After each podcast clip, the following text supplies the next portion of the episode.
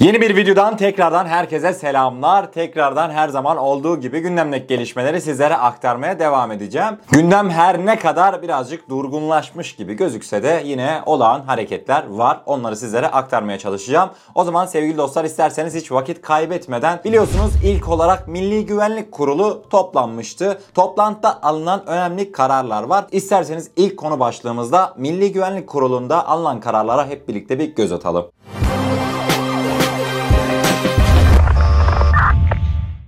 Cumhurbaşkanı Recep Tayyip Erdoğan başkanlığında Cumhurbaşkanlığı Külliyesi'ne düzenlenen Milli Güvenlik Kurulu toplantısının ardından bildiri yayımlandı. Doğu Akdeniz'deki deniz yetki alanlarına ilişkin görüş farklılıkları üzerinden gerginliği artırmaya tevessül eden aktörlerin faaliyetlerinin de ele alındığı bildirilen bildiride Türk milletinin bugüne kadar olduğu gibi bundan sonra da kara, deniz, havadaki hak, alaka ve menfaatlerinin korunması hususunda taviz verilmeyeceği bir kez daha dile getirilmiştir. Gayri askeri statüdeki adaların silahlandırılması başta olmak üzere uluslararası hukuka ve antlaşmalara aykırı hareket eden ülkeler aklı selime davet edilmiş. Bölgedeki doğal kaynakların adilane bir şekilde paylaşımı konusunda Türkiye'nin her platformda ve öncelikle diyalogdan yana olduğu ifade edilmiştir değerlendirilmesinde bulunuldu. Bildiride ayrıca şunlar kaydedildi. Bölgesel ve küresel her itilafta daima hakkın, hakkaniyetin, adaletin yanında yer alan Türkiye'nin Doğu Akdeniz'deki tutum ve eylemlerinin de aynı çerçevede gerçekleştiği belirtilmiş.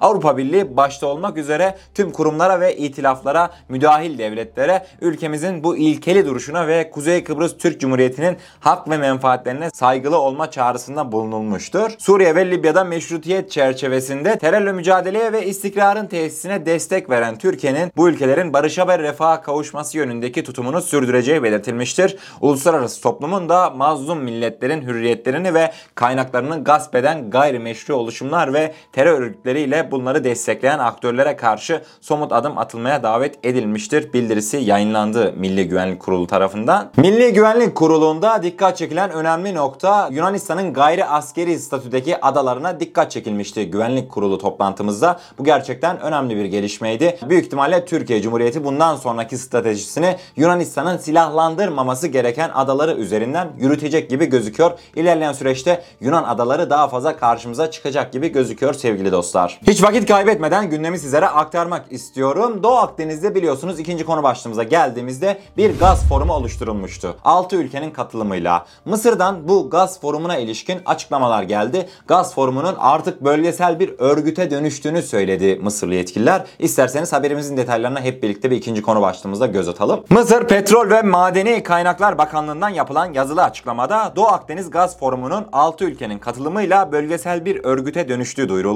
Açıklamada forum resmen Akdeniz bölgesinde Kahire merkezli uluslararası bir örgüt halini almıştır ifadelerine yer verildi. Video konferans yoluyla yapılan toplantıya Mısır, Yunanistan, Güney Kıbrıs Rum kesimi, İsrail, İtalya ve Ürdün temsilcilerinin yanı sıra Avrupa Birliği, Amerika Birleşik Devletleri ve Fransa'nın gözlemcileri de katıldı. Mısır'ın ev sahipliğinde 16 Ocak 2019'da Yunanistan, Güney Kıbrıs Rum kesimi, İsrail, Mısır, İtalya ve Ürdün Enerji Bakanlarının katılımıyla Doğu Akdeniz Gaz Forumu kurulmuştu. İkinci toplantısını 16 Ocak 2020'de yapan Doğu Akdeniz Gaz Forumu, üye devletlerin halklarının çıkarı için enerji güvenliği temelinde kurumsallaşma yönünde anlaşmıştı. Türkiye Dışişleri Bakanlığı Sözcüsü Hami Aksoy ise konuya ilişkin bir soruya verdiği yazılı açıklamada şu ifadeler kullanmıştı. Bu forum Türkiye'yi Doğu Akdeniz'deki enerji denkleminin dışında bırakma hayalleri kuran bazı ülkelerin siyasi sahiplerle kurdukları gerçeklikten uzak bir oluşumdur. Bu forumun amacı gerçekten işbirliği olsaydı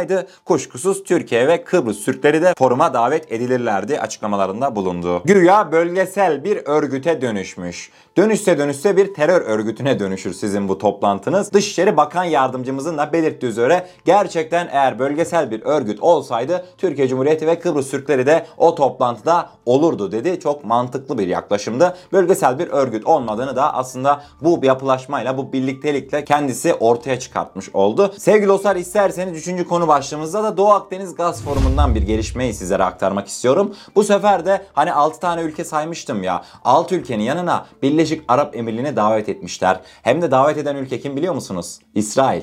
Haberimizin detayı sizlerle birlikte şu an. İsrail Doğu Akdeniz Gaz Forumu'na Birleşik Arap Emirlikleri'nin de katılması teklifinde bulundu. İsrail Enerji Bakanı Yuval Stenidis yaptığı açıklamada Birleşik Arap Emirlikleri'nin foruma katılması için teklif sunduk. Üye ülkeler bunu inceleyeceklerini söylediler ifadelerini kullandı. Stenidis dün Birleşik Arap Emirliği Enerji Bakanı Suheil bin Muhammed El Mezrui ile Avrupa'ya gaz nakli konusunda işbirliği imkanlarını görüşmüştü. Görüşmeye ilişkin Birleşik Arap Emirliği Haber Ajansı'ndan yapılan açıklamada iki ülke bakanları petrol, gaz ve özellikle yenilenebilir enerji kaynakları olmak üzere enerji alanı ve altyapısında işbirliğinin güçlendirilmesi konularını ele aldığı belirtildi demişti. Aslında Birleşik Arap Emirlikleri'nin de bu altılı örgüte katılmasının önünün açılmasıyla birlikte Türkiye karşıtlığı bu örgütün Türkiye karşıtlığı bir kez daha kanıtlanmış oldu sevgili dostlar. Her ne kadar şu an Türkiye ve Yunanistan diplomasiyle uğraşsa masaya oturacağı gündeme gelse de Türkiye ve Yunanistan'ın diğer tarafta Doğu Akdeniz ülkelerinde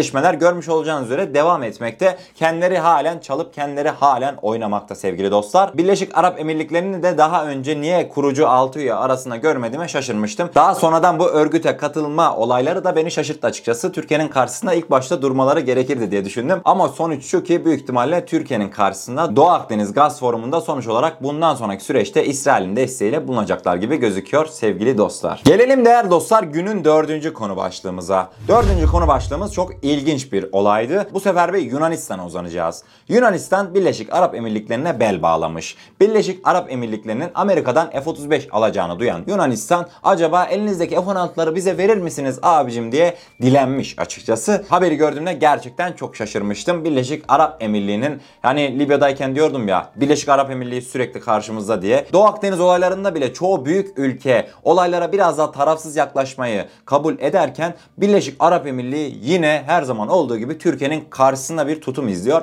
Sevgili dostlar isterseniz dördüncü konu başlığımızdaki haberimizin detaylarına hep birlikte bir göz atalım. Doğu Akdeniz'deki askeri gerilimde Körfez ülkesi Birleşik Arap Emirlikleri'nin askeri ve siyasi desteğini alan Yunanistan askeri işbirliğine yeni bir boyut kazandırmak istiyor. İsrail ile normalleşme anlaşması imzaladıktan sonra Birleşik Arap Emirliği yönetimi F-35 savaş uçağı satın almak istiyordu. Trump yönetiminin olumlu sinyal vermesi ve İsrail yönetiminin de ikna olması üzerine F-35 satışlarının gerçekleşmesi beklenmekte. Yunan basını ise F-35 savaş uçağı satın alınması halinde Birleşik Arap Emirlikleri'nin elindeki F-16 Blok 60 savaş uçaklarını Atina'ya satabileceğini öne sürdü. Öte yandan Yunan basını aynı zamanda Mısır'ın Rafael savaş uçaklarındaki sipariş önceliğini Yunanistan'a verebileceğini öne sürdü. Mısır'da Abdülfettah Sisi'nin darbe sonrası yaptığı ilk işlerden birisi Rafael savaş uçaklarını satın almaktı. Fransa'nın satılamayan savaş uçağı olarak nitelendirilen Rafael jetleri bugüne kadar sadece 3 ülkeden sipariş alabildi. Gerçekten maşallah düşmanlarımızın hepsi aynı masada. Sevgili dostlar görmüş olacağınız üzere olaylar türlü türlü gelişmekte. Oradan bakıyoruz Birleşik Arap Emirlikleri elindeki F-16'ları zaten İsrail ile normalleşme anlaşmaları da tartışılabilir. Yine başka bir videomuzda bu konuyu da tartışabiliriz. Fakat ellerindeki F-16'ları Yunanistan'a sırf Türkiye karşıtlığından ötürü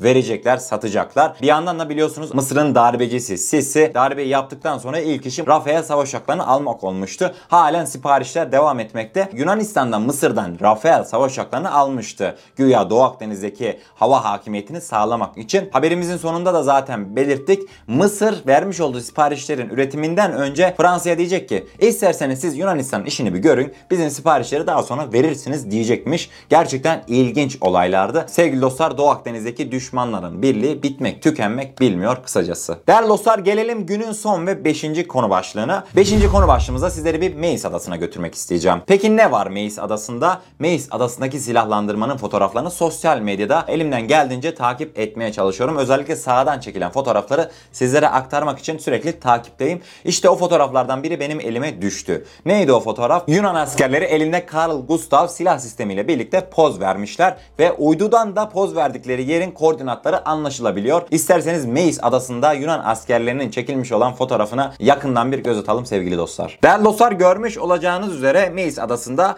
Carl Gustav geri tepmesi silah sistemleri ile poz veren Yunan askerleri görülmekte. Burada askerlerden daha çok kırmızı dikdörtgenler ve mavi dikdörtgenlere dikkat etmenizi istiyorum. Hazırsanız zaten sıkı takipçilerimiz bilir uydu fotoğraflarını şimdi sizlerin karşısına sunacağım. Hazır mıyız? Evet gelsin uydu fotoğrafımız. Görmüş olacağınız üzere sevgili dostlar kırmızı dikdörtgen ve mavi dikdörtgen Meis adasında bu fotoğrafın çekildiğini kanıtlıyor. Zaten uydu üzerinden rahatlıkla Meis adasındaki bu silahlandırmaya yakından göz atabilirsiniz. Gerçekten önemli bir kanıt da aslında Yunanistan'ın silahlandırmaması gereken adaları silahlandırması konusunda. Şimdi sizleri son olarak çok güzel bir infografiye götüreceğim fakat onun öncesinde değerli dostlar Yunanistan bu adaları nasıl bu kadar kolay bir şekilde silahlandırabiliyor ve sosyal medyada nasıl bu kadar rahat bir şekilde paylaşabiliyor? Ben bu sorunun cevabını bir türlü bulamıyorum. Gerçekten bu olay hakkındaki düşüncelerinizi yorumda belirtirseniz çok memnun olurum. Bir fikir alışverişinde bulunalım. Ben bu adamların gerçekten bu adaları yani Türkiye'den gözle görülebilecek adaları bu kadar rahat, bu kadar dünya kamuoyuna karşı hiç çekinmeden paylaşmalarını bir türlü anlamıyorum. Sevgili dostlar lütfen yorumlarda görüşlerinizi belirtiniz. Şimdi Doğu Akdeniz'deki gelişmeler diplomasi yoluyla yürütüldüğünden ötürü şu an günden güne değişmekte.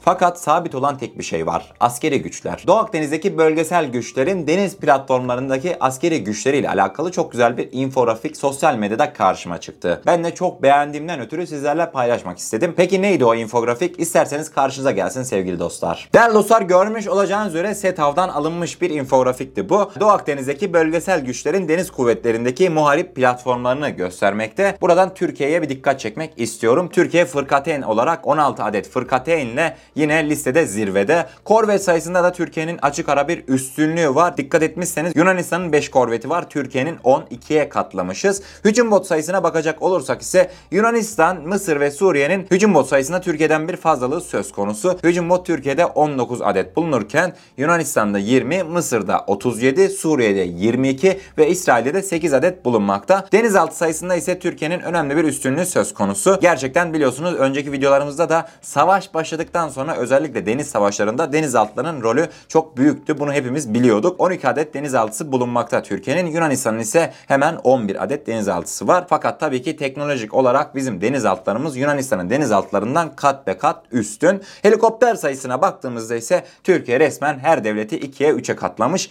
29 adet helikopterimiz bulunmakta. Deniz kuvvetlerinde muharip platformlarımızda. Görmüş olacağınız üzere Yunanistan'ın 18, ona en yakın olarak da Mısır'ın 15 adet helikopteri bulunmakta. Sevgili dostlar infografimizi durduraraktan daha detaylı bir şekilde diğer ülkelerin de deniz kuvvetlerindeki muharip platformlarına göz atabilirsiniz. Evet sevgili dostlar bugünkü konu başlıklarından sizlere bahsettim. Umarım doğru bir şekilde aktarabilmişimdir. Kanalımıza eğer ilk defa gelmekteyseniz kanalımıza abone olarak bizlere destek olabilirsiniz. Videomuzu da gerçekten beğenmişseniz beğenirseniz çok mutlu oluruz diyorum ve değerli dostlar cumanız mübarek olsun diyorum. Kendinize çok iyi bakın. Her şey istediğiniz gibi olsun. Sağlıcakla.